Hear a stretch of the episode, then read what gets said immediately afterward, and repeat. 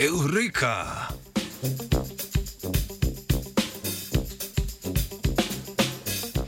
Francoska raziskovalna skupina se je lotila preučevanja tehnike dremanja, ki se je posluževal izumitelj Thomas Alva Edison.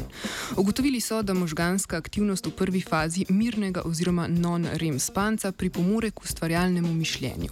O spodbojevalni vlogi začetne faze spanja na ustvarjalni upogled so poročali v reviji Science Advances. Thomas Alva Edison je domnevno sredi dneva zadrimal z jeklenima kroglama v rokah. Ko ga je premagal spanec, sta mu krogli padli z rok in ga prebudili. To mu je omogočilo, da je takoj po prebojenju dostopal do idej iz obdobja med budnostjo in spanjem, ne da bi se te ideje izgubile v globljih fazah spanja. Raziskovalna skupina, ki je bila navdahnjena z njegovo tehniko drimanja, je pripravila eksperiment, s katerim je želela preveriti, ali prva izmed treh faz non-rem spanca poveča verjetnost za ustvarjalni pogled.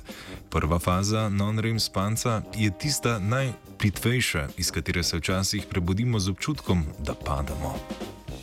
thank you trije udeleženci in udeleženke so bili sprva deležni osnovnega urjanja v nalogi z nizom osmih številk. Dobili so navodilo, da z uporabo dveh pravil čim hitreje določijo zadnjo številko v zaporedju.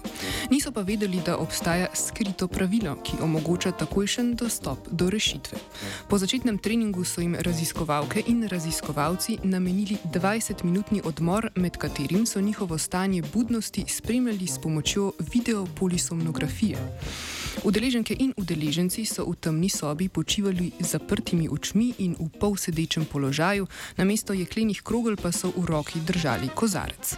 Nekateri so med odmorom ostali budni, spet drugi pa so zaspali, pri čemer jih je padec kozarca zbudil, bodi si iz prve, bodi si iz druge faze non-rem spanca. Thank you.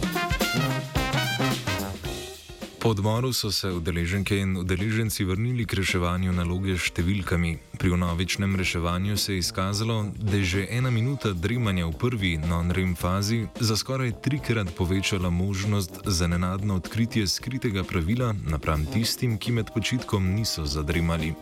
Spodbojevalnega učinka spanja na nenadno odkritje rešitve problema pa niso opazili pri tistih, ki so pred prebujenjem že vstopili v drugo, globljo fazo non-rem spanja. V nasprotju z Edisonovo prakso za udeležene v raziskavi, do ustvarjalnega pogleda ni prišlo takoj po počitku, ampak šele kasneje in sicer po prečju po 94. poskusu reševanja naloge.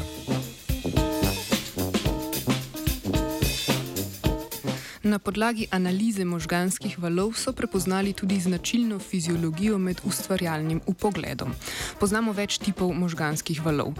Alfa valovi so naprimer pretežno prisotni pri sproščujočih aktivnostih v budnem stanju, delta valovi pa pretežno pri globljem spancu. Največjo verjetnost se oziroma za ustvarjalni upogled so imele udeleženke in udeleženci s srednjimi ravnmi alfa valov, najmanjšo verjetnost pa tisti z visokimi ravnmi delta valov. Takšno kombinacijo možganskih valov so med ustvarjalnim upogledom zaznali tudi pri tistih, ki so ostali budni ter vseeno prišli do upogleda v hitrejšo pot reševanja problema.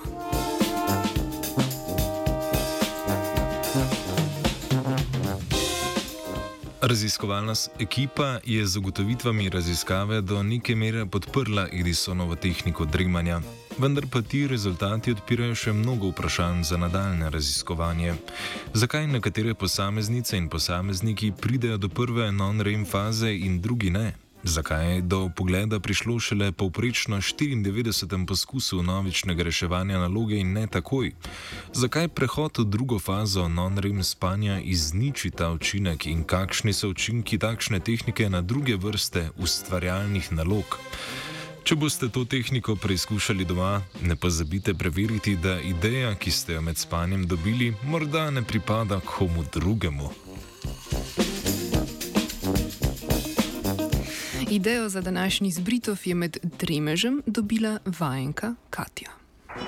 Three.